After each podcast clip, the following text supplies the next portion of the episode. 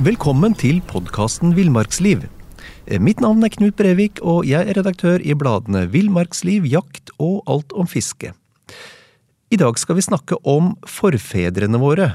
Hvor de kom fra, hvor de levde, og ikke minst hvordan de overlevde. Og den jeg har gleden av å ha med, er, er Per Jorhøy.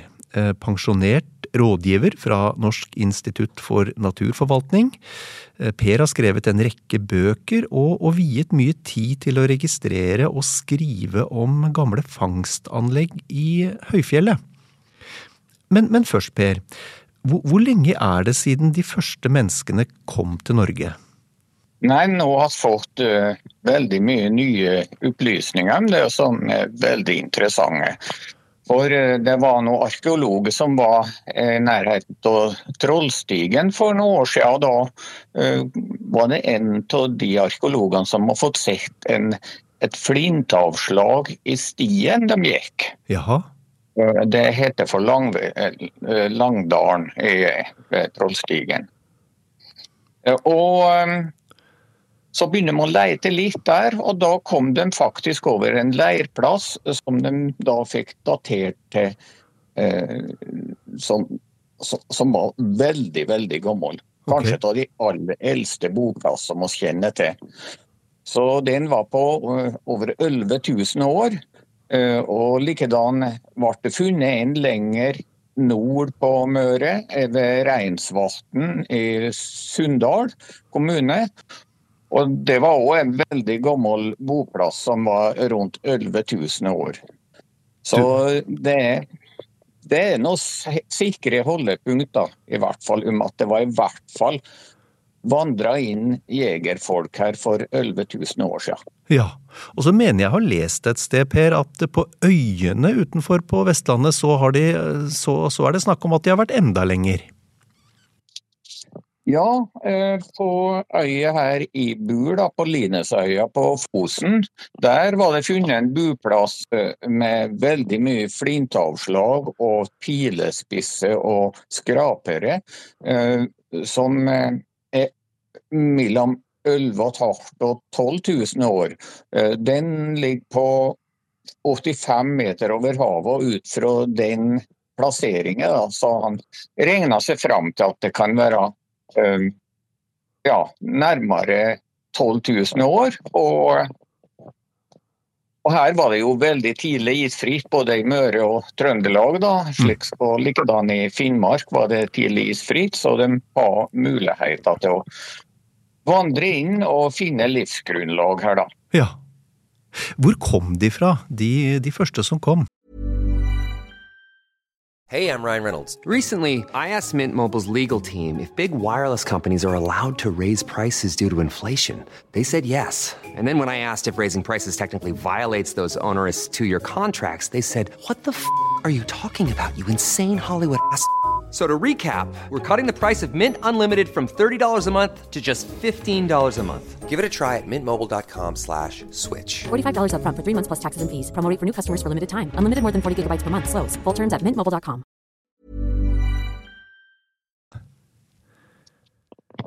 Nå var det slik at det var mye vann som var bundet opp i store ismasser i Skandinavia. Så det var mye landfaste områder, slik som Doggerland. Men norskrenna var jo eh, fortsatt eh, mye vann til, da. Og det er mulig at det var islagt på vinteren, slik at de kunne ta seg over norskrenna på isen fra Doggerland. Eh, og likedan har det vært funnet mye spor etter innvandring i Sør-Sverige, der, de har- der de har vandra inn fra sør. De, de, de kom jo fra eh, Sør-Europa. Og vi vet jo at det er funnet veldig mye spor i Dordogne i Frankrike f.eks., og likedan i Tyskland, etter jegerfolk som jakta på rein. Og rein den fulgte jo iskanten nordover av når eh, nedsmeltingen begynte. Mm. mm. Og, og Doggerbank, hvor blir det hen? Det er der Nordsjøen er i dag. Og på eh, bunnen av Nordsjøen der er jo faktisk eh, funnet en del gamle jaktredskaper. I forbindelse med fiske med trål. Så det er helt tydelig at der det vært et jegerfolk på det store landområdet som heter Doggerland. da. Akkurat. Akkurat. Og, og de fulgte altså, de fulgte altså um, reinsdyr nordover, var det så, eller? Ja, for rein har hatt veldig stor næringsmessig betydning for befolkningen i Europa. Langt, mange titusen år tilbake. Og i Frankrike var det absolutt viktigste matviltet utgjorde 80-90% av dietten. Så da får en et inntrykk av hvor viktig rein har vært òg i andre deler av Europa. Å du verden. 80-90% av dietten, ja. Når de, når, de, når de, kom til Norge for 11 000-12 000 år siden, um, hvordan, hvordan, var de organisert, eller hvordan bodde de? Nei, det er jo klart det er mye mer spørsmål eller sikre svar når en går så langt tilbake. Men mm. de har jo lagt igjen noen spor etter seg som har noen holdepunkter om, om disse første gruppene med eh, jegerkulturen som kom til landet vårt. Så eh, en finner jo stadig mer. Vi kommer jo til å få se det i årene framover òg, at det blir funnet stadig mer, flere spor og, og, og spennende spor etter disse gamle jegerkulturene. Mm -hmm. Ja, hva er det vi finner Hva er det vi finner i dag som, som peker tilbake på, på de første, første jegerkulturene? Hva slags type spor? Eh, en kan jo eh, Det er jo veldig mange typer spor. Også i forbindelse med regulering av mange vassdrag, så foregår det jo en stor utvasking i strandsonen. Og der er det avdekt veldig mye spor etter tidligere fangstkulturer. Mm. Mange tusen år gamle kulturer. Så det har òg gitt veldig mye kunnskap om eh, hvordan man levde og virka, disse her gamle jegerfolket. Slik jeg spor er det enormt mye av. Man kan jo si at Og så syns jo ikke så mye om at vassdrag blir ødelagt og neddemt uh, for å få energi, men i hvert fall så har det avdekt veldig mange spennende spor etter tidlige fangstkulturer. Ja. Og så må vi snakke litt, eh, Per, for å, for å, komme inn på dette med fangstgraver og fangstanlegg. Det, de hadde jo, om, om, de ikke hadde et bevisst forhold til det, så hadde jo disse forfedrene våre et slags energiregnskap de måtte forholde seg til. De måtte, de måtte få inn i hvert fall like mye energi som de brukte sånn daglig. Og og, og, det vil vel si at de måtte fangste, de måtte jakte rein eh, på en mest mulig hensiktsmessig måte. Eh, og, og, da begynner vi å, å, å nærme oss eh, ideen om disse fangstgravene. Hvordan, hvordan tror du den dukka opp første gang? Nei, Det er et godt spørsmål. Vi har jo kartlagt noen ikke kjempestore fangstgroprisko for rein på Dovre. Over 1000 groper. Og, og det er vi har fått dateringer fra flere deler av anlegget. Og de eldste delene de er fra 400-tallet etter Kristus, og, og, en annen del de er fra 900 000-tallet etter Kristus. Så, eh, det vi ser i dag, det er jo sluttproduktet av slike store anlegg. Så de har jo vært utvikla over veldig lang tid, mange av dem. Mm, mm. Så, så det to typer da, som viser hvor praktisk anlagt disse jegerfolkene var. For fangstgropene som ligger oppe, oppe i fjellet i trebare områder, de, de er mura av stein. Mm. Og de som ligger i skogen, de er, der er det brukt trevirke, trestokker, uh, til gravkonstruksjon. da. Mm, mm. Ja, fordi uh, hele, hele, ideen med, med fangstgraver, tenker jeg, det må vel være at Eh, det er en forholdsvis eh, effektiv måte å, å fangste på, og, og, de slapp å bruke så mye energi. Det var selvfølgelig en del energi når man skulle lage disse fangstkravene, men, eh, men dette er jo anlegg som står og, og fangster av seg selv. Um, I motsetning til at, at, disse våre forfedre skulle ut på dagevis med lange jakter og stort energiforbruk hver dag for å leite etter rein som de kanskje ikke fikk engang. Dette er jo anlegg som står og fangster passivt, og som er veldig energieffektivt, da. Helt klart. Og så var det en, en sær òg hvor kløktige fangstfolkene var med å plassere eh, eh, disse her gravene i terrenget, og samtidig som at den la den slike stabile på slik stabil grunn at det ble minst mulig vedlikeholdsarbeid på gravene. Eh, Dovre, på Dovreaksen der ser vi altså at de er lagt på slike morenerygger som, som, har relativt stabil grunn.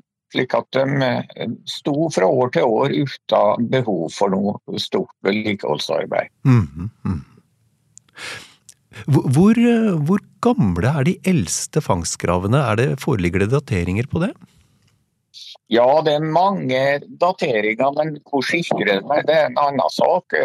Men, men at, det, at, det, tiltok bruken av dem etter, etter år null, da, etter vår tidsregning begynte, det, det tror jeg nokså sikkert.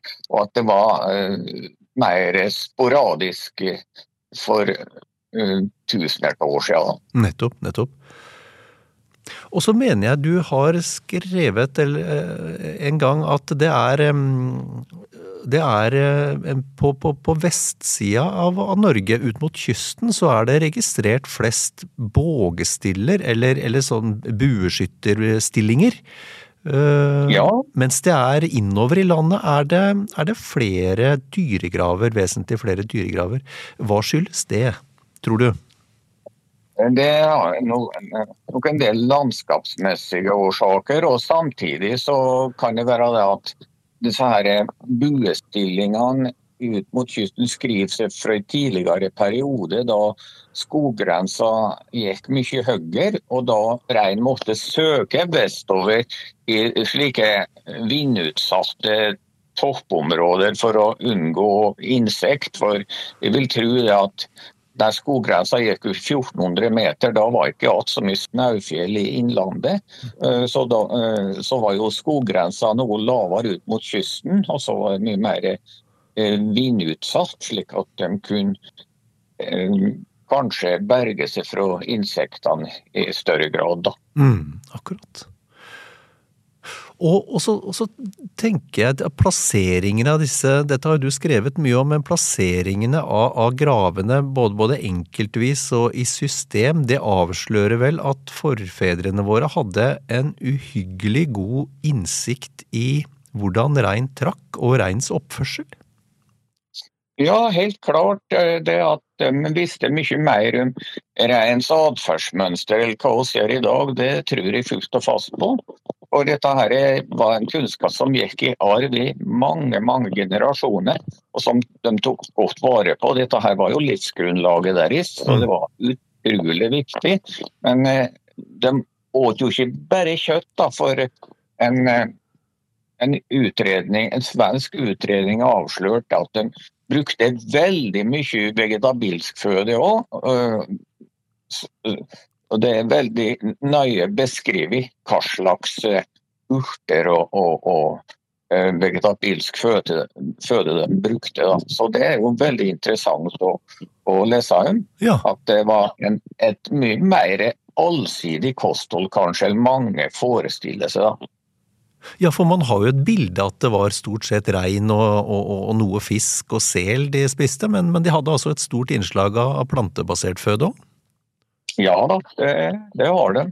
Og det, det, dette her er basert på analyser fra en 8000 år gammel boplass. Så det, det, det, er en veldig viktig kunnskap å, å, å, å lese. Mm. Men, men, øh, det er vel, jeg, jeg, tenker det, Per, at det er vel ikke noen grunn til at de skulle ha noe mindre innsikt i floraen og faunaen rundt seg enn de hadde i, i i, i reins, reinsdyr og reinstrekk.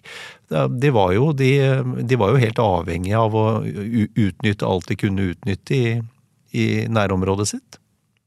Ja, det var jo naturfolk. De har jo ikke noe supermarked å gå til, så de måtte jo være fullstendig De var fullstendig prisgitt seg sjøl, sin, sin, egen lykkesmed hele veien. Så eh, det var jo livsviktig å ta vare på den kunnskapen som eh, de fikk overført fra forfedrene sine. Mm, mm.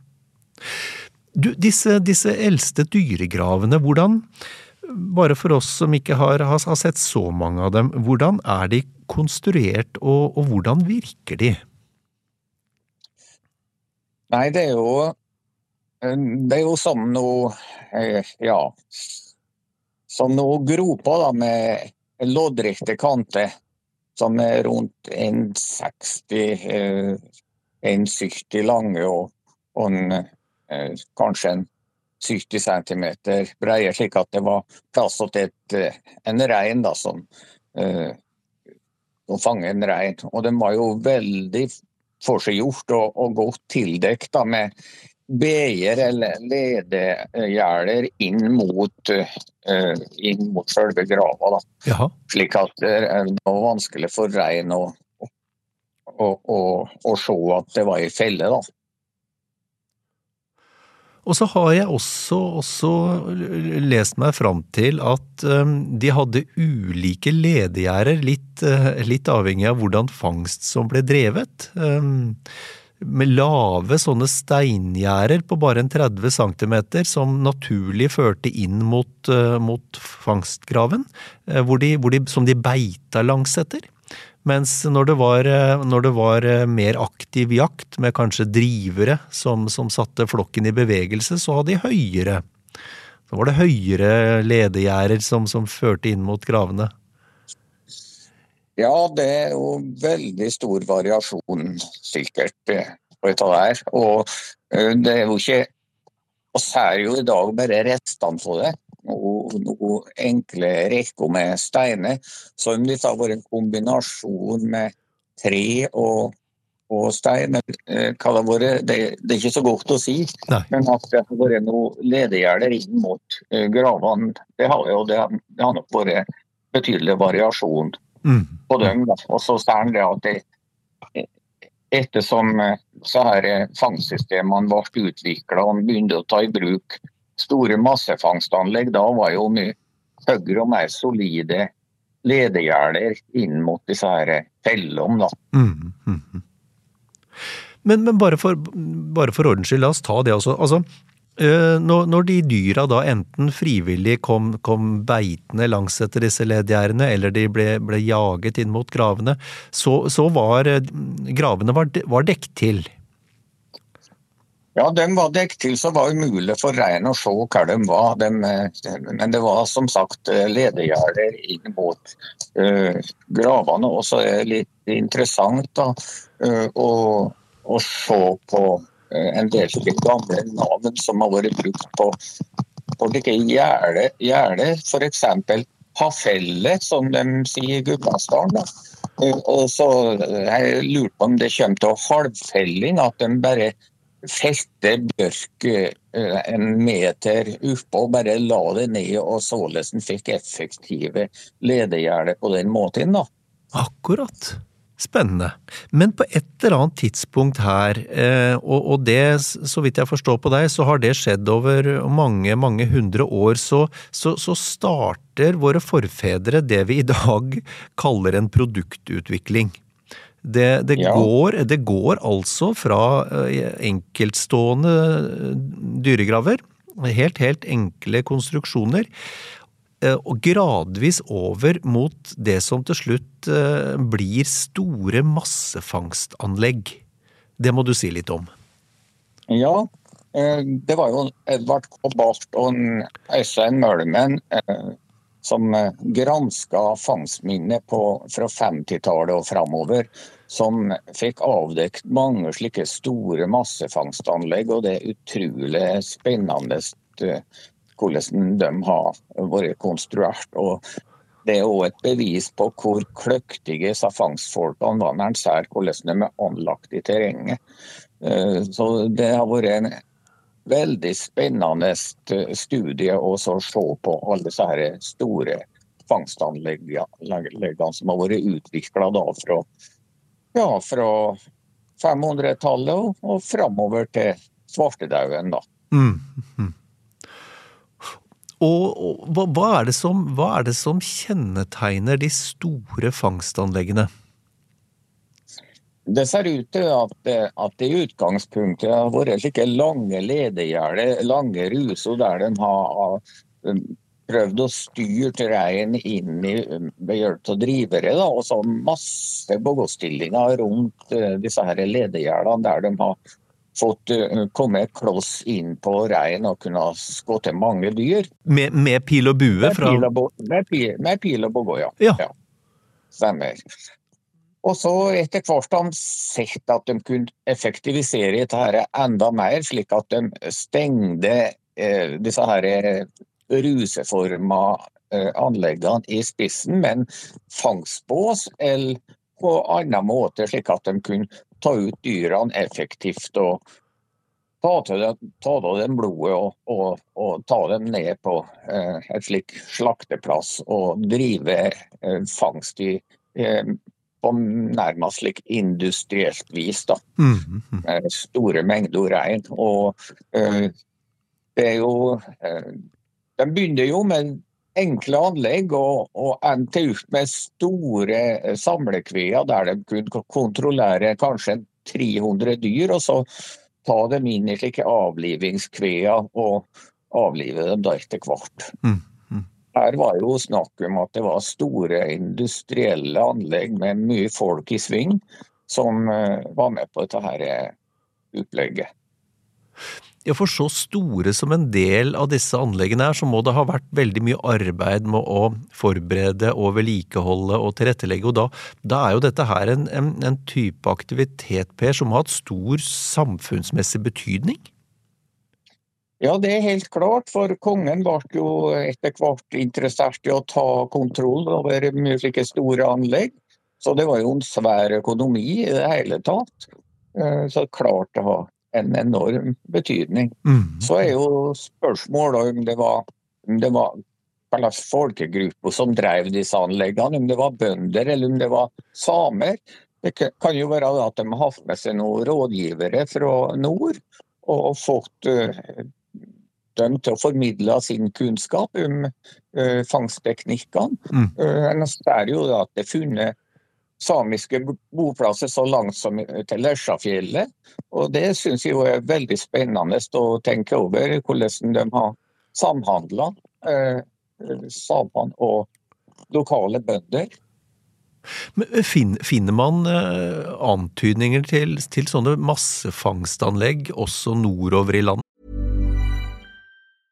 Ryan Reynolds here from Mint Mobile. With the price of just about everything going up during inflation, we thought we'd bring our prices down. So to help us, we brought in a reverse auctioneer, which is apparently a thing. Mint Mobile unlimited premium wireless. Have to get 30, 30, bit to get 30, bit to get 20, 20, 20, bit to get 20, 20, bit to get 15, 15, 15, 15 just 15 bucks a month. So, Give it a try at mintmobile.com/switch. slash $45 up front for 3 months plus taxes and fees. Promo for new customers for limited time. Unlimited more than 40 gigabytes per month slows. Full terms at mintmobile.com. Ja da, og på Varangerhalvøya i Finnmark er jo store slike anlegg, så du ser mye fellestrekk, altså. Mm. Det er stor variasjon i utformingen av anleggene, men det er mange fellestrekk òg. Eh, så eh, det er mye store anlegg i, i nord. Og så kan en si det òg at det er ikke sikkert det er så mye som er funnet ennå, for det, det har vært intensiv kartlegging her i det nordlige Sør-Norge, eh, rundt Dovrefjell, Rondane og Reinheimen. Der har vært enormt stor innsats for å kartlegge anlegg. Eh, I resten av landet så har det vært begrensa, unntatt da på Varangerhalvøya, der, der det har vært arkeologisk sving som har gjort et stort arbeid. Akkurat, så, så, her er det sannsynligvis mye, mye, som ligger og venter på oss her, i form av ny viten om, eh, om våre forfedre og fangsten. Det er helt klart at det er.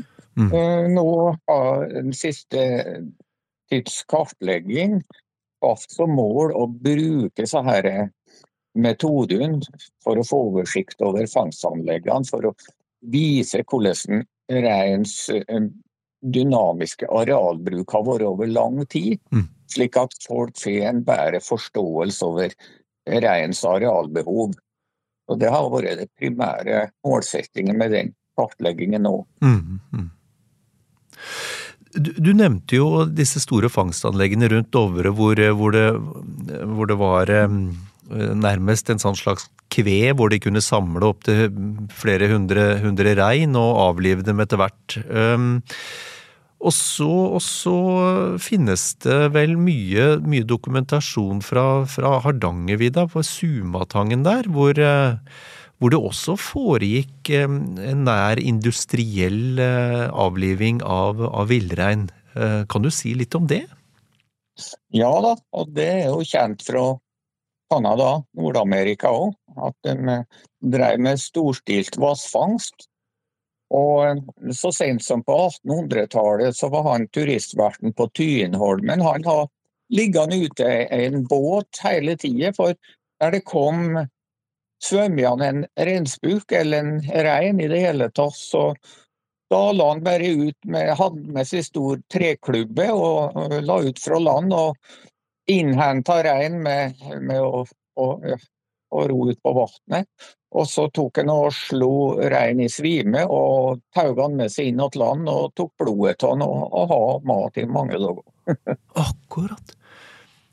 Ja, fordi Så det, det var jo en eh, Det var jo vanlig eh, i mange områder i Sør-Norge, bl.a. på Sumtangen, som du sier, som er et veldig kjent sted for vassfangst og rein. da, Men en har òg lignende anlegg ved Fellingvatnet i Reinheimen f.eks., der det har vært en stor fangstindustri basert på vassfangst. mm, er lange ledegjerder mm, som vi har kartlagt, der de har drevet rein ut på vannet og, og, og, og hatt liggende båter klare til å så, eh, da innhente dyrene og, og så få avliva det.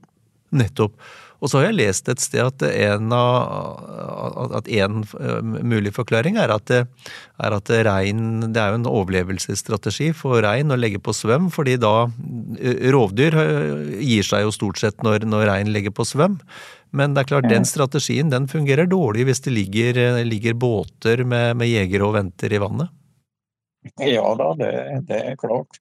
Nei, Det var mange ulike strategier for å få tak i grådyrene. For det var, det var liksom like mengder av dem. På det tidspunktet der rein kunne ferdes fritt uten våre tidsbarrierer da, Mm. over hele fjellregioner. Mm. Så det var en helt annen situasjon for rein for øh, 1000 år siden enn hva her i dag. da alle fjellområdene er stengt av barrierer på alle bauger og kanter, Mm. slik at vi har eh, delt ut leveområdene i 23 forskjellige biter. Og det er jo veldig tragisk for eh, villreinbestanden i det hele tatt. Mm. Det er bare fragmenter igjen av det store sammenhengende fjellriket. Ja da.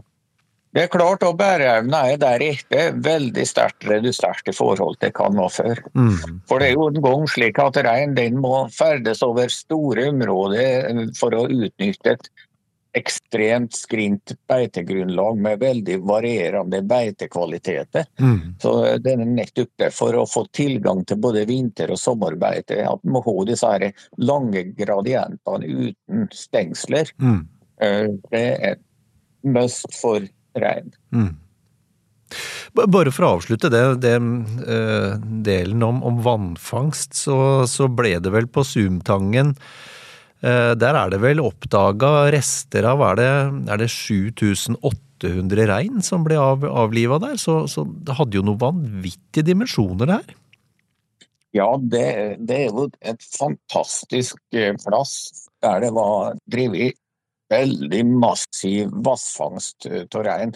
Og det er jo midt i et veldig sentralt eh, og sterkt reinstrekk, da. Så det var jo strategisk valgt område for å drive den type fangst. Mm. Mm. Mens på et eller annet tidspunkt, noen tiår før svartedauden, så, så dør altså fangsten ut i hvert fall Det har ikke de, de dimensjonene som det, som det, har hatt inntil da. Hva er det som skjer da? Nei, det er jo som sagt mye spørsmål og lite sikre svar, men det ser ut som det at det har blitt en mindre lønnsomhet i å drive slik storstilt fangst. da. Mm. For på slutten av 1200-tallet så ser det ut som det, eller ifølge sporene, da, så ser det ut som det avtar sterkt fangsten.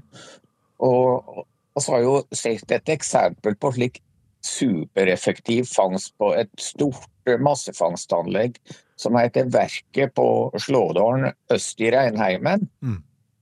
Og der, der, det er en kjempestor samlekve der de sikkert har plass til 300 dyr. Og der, der det er funnet da boplass og møddinger som forteller oss veldig mye om hvor viktig den økonomien mm. har vært. Mm. For sikkert både lokalbefolkning og, og i videre geografi. Mm. Mm. Men kan det være rett og slett at de på, på, et eller annet tidspunkt ble så effektive at de, de tok ut så store deler av bestandene at det, det øh, begrensa seg litt sjøl. Det var kanskje ikke så mye rein igjen å, å, å jakte på, eller så, som forsvarte å ha så store anlegg eh, i drift?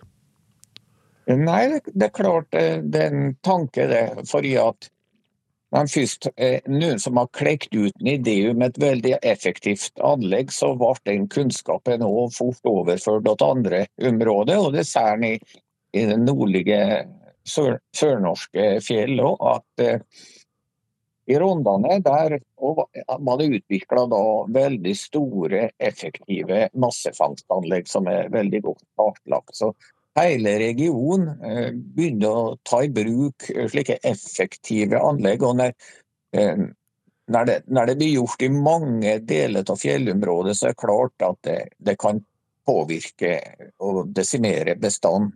Så en kan ikke se helt bort fra at, at fangsten har blitt så effektivt, sjøl uten krutvåpen, at de har desimert bestanden slik at det ikke lenger var så økonomisk bærekraftig å, å drive fangsten. Mm. Mm. Men, men, Per, vi snakker, vi snakker ofte om rein. Um, men det er, jo, det er jo etter hvert oppdaga ganske mye og store anlegg også med tanke på, på fangst av elg? Ja da, og i Rondane der har vi prøvd å få oversikt over disse store fangstgroprekkene gjennom hele den langstrakte fjellregionen. Og Der sier vi ofte at eh, eh fangstanleggene for rein de går over i, i, i graver for elg da, ned gjennom eh, skoggradienten. Da. Så det er slett ikke uvanlig Rondane at det, at et kombinert elg- og, og reinfangstanlegg. Eh, lange fangstgroper. Mm, mm. Fra oppe i høgfjellet til langt ned i furuskogen. Det er ganske raffinert, da. De hadde altså da elg, elggraver eh, i de nedre delene av hva skal vi kalle det, fangstrekka si, og så jo høyere man opp man kom på fjellet, så, så gikk det over til rein, eh, altså elggraver lavt og reinsgraver høyt. Ja, det er helt tydelig, og særlig jo på størrelsen på gropene. Det er jo enorm forskjell på, på målene som vi har tatt. Mm -hmm. men, men, du, det nå, nå, tenker jeg for, eh, for folk som, som, ferdes i fjellet eller skogen for den saks skyld. Eh, hvordan ser man, hvordan oppdager man en dyregrav? For det er jo åpenbart en masse som ikke er oppdaga ennå. Hva, hva, er det vi skal se etter? Nei, Det kan være litt uh, lurt, fordi at det, for mange år siden da ble det utbringt sånn en person i Trondheim han har vært i Bymarka og fått sett som en gropa som en lurte på fangstgropa, men det viste seg å være kullgropa da. Jaha. Eh, på jernalderen, der det var stor utvinning. da.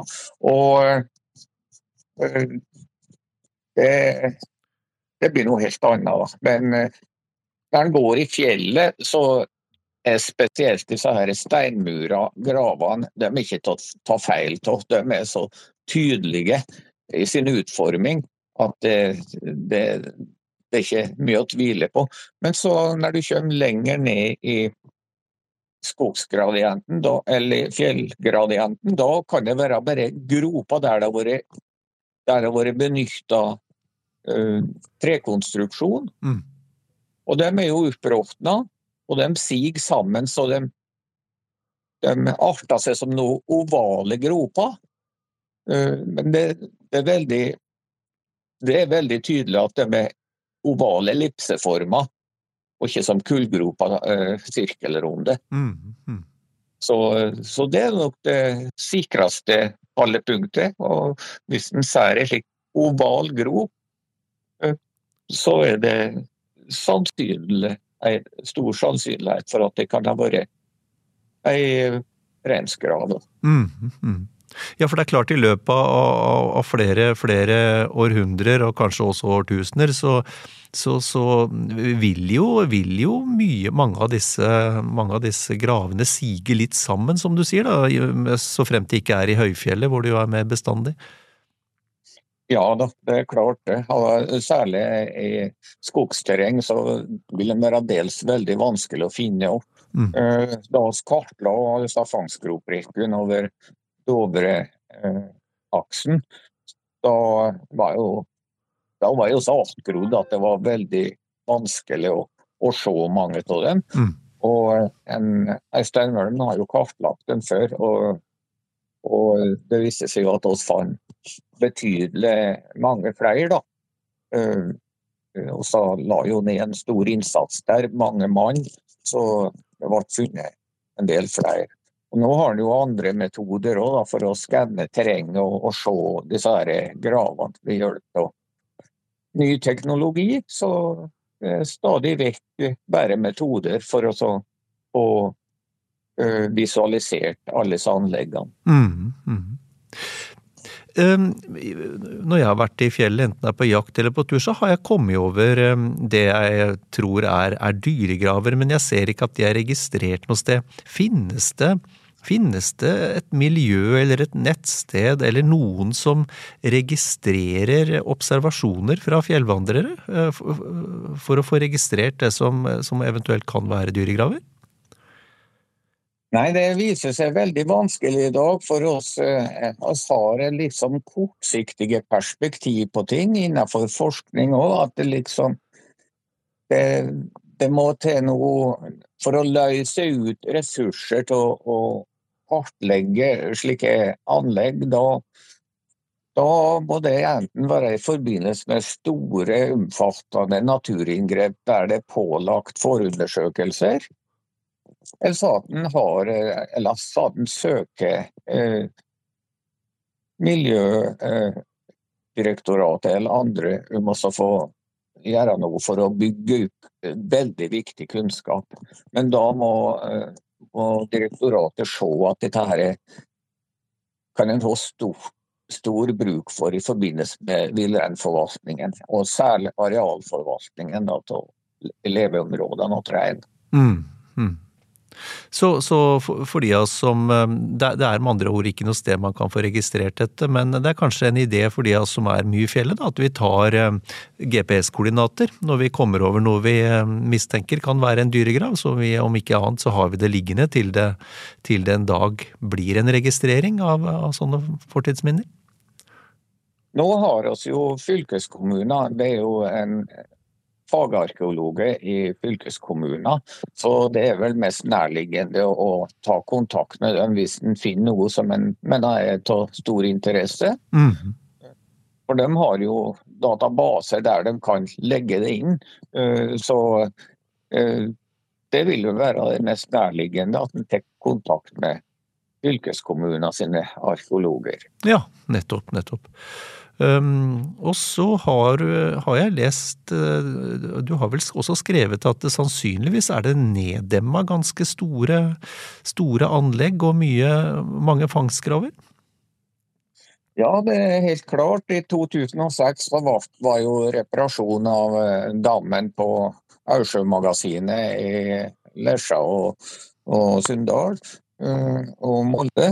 Og eh, da fikk vi anledning til å gå inn og, og registrere gamle fangstanlegg som har ligget under vann i 50 år. Mm, mm. Og det var jo en aha-opplevelse. Der fant vi jo mye interessant, og, og til og med uh, aldeles intakte treverk i slike graver med trekonstruksjon, som vi fikk da rekonstruert og fikk mer kunnskap om. Så uh, det, det jo helt klart at det, neddemt store, aktuelle områder Mm. uh, i moderne tid. Mm, mm. Det ligger sannsynligvis en skattkiste og venter på oss eh, her, Per, i form av eh, uoppdaga kultur fra våre forfedre. Ja, nei, vi har bare en liten flik av det. vet du. Så det, det er en, for å få en hele fulle forståelsen av det der, da, da, da er nok et veldig langt lerret å, å bleike, altså. Mm. Men eh, det er utrolig spennende og lærerikt å, å se hvor kløktige våre forfedre har vært i utformingen og bruk av eh, slike mangearta fangstanlegg. Mm. Og det er jo, det er jo litt eh, fascinerende for, for de av oss som, som jakter rein og elg i, i, i fjellområder, eller i og for seg også litt høyereliggende skogsområder. Så hvis man finner, eh, finner fangstanlegg eller dyregraver, så er det som regel fremdeles en god post eller et godt sted å opp, opp eh, eller, eller være på jakt fremdeles. Så de hadde, Ja. de hadde dyp innsikt, våre forfedre, altså. Ja, de har djup innsikt, og særlig nå når det, er stor nedsmelting i fonnene i fjellet, så blir jo funnet veldig mange jaktrelaterte gjenstander eh, som heldigvis er under eh, konstant overvåkning nå, som eh, disse fonnene smelter helt bort. Så der, der er det gjort utrolig mye interessante funn som forteller veldig mye interessant. Blant annet eh, funnet av slike mengder med slike skremmepinner, der de har styrt rein på disse fonnene. Og da kan vi jo begynne å lure på om de, om de har gravd eh, fangstgraver i snøfonnet ved å så drive eh, rein ved hjelp av slike skremmepinner mot disse her eh, gravene som de har tildekt med skjog. Mm. Og at det kanskje har vært eh, utgangspunktet for ideen om å bygge gro, eh, på fastmark òg. Det er jo vanskelig å si, men en tenker jo når en går og ser på alle disse her nye funnene fra rundt store fonner og breer. da. Du skal se det var der ideen om fangstgrav første gang dukka opp, Per, på en, på en isbre hvor de, hvor de gravde fangstgraven i snø. Det er jo lov å spørre, ja. Ja. veldig, veldig spennende. Per, eh, dette har vært en, vært en interessant reise tilbake til eh, Vi må vel nesten si slekta? Ja, dette her er jo bare en liten flik da, på grunnlag av mine fattige erfaringer i, løpet av noen år med kartlegging. Men eh, jeg vet egentlig veldig lite i forhold til våre jaktende forfedre. Så det blir bare noe slike uh, små inntrykk. Ja, veldig spennende. Tusen takk for en hyggelig prat, Per. Takk skal du ha.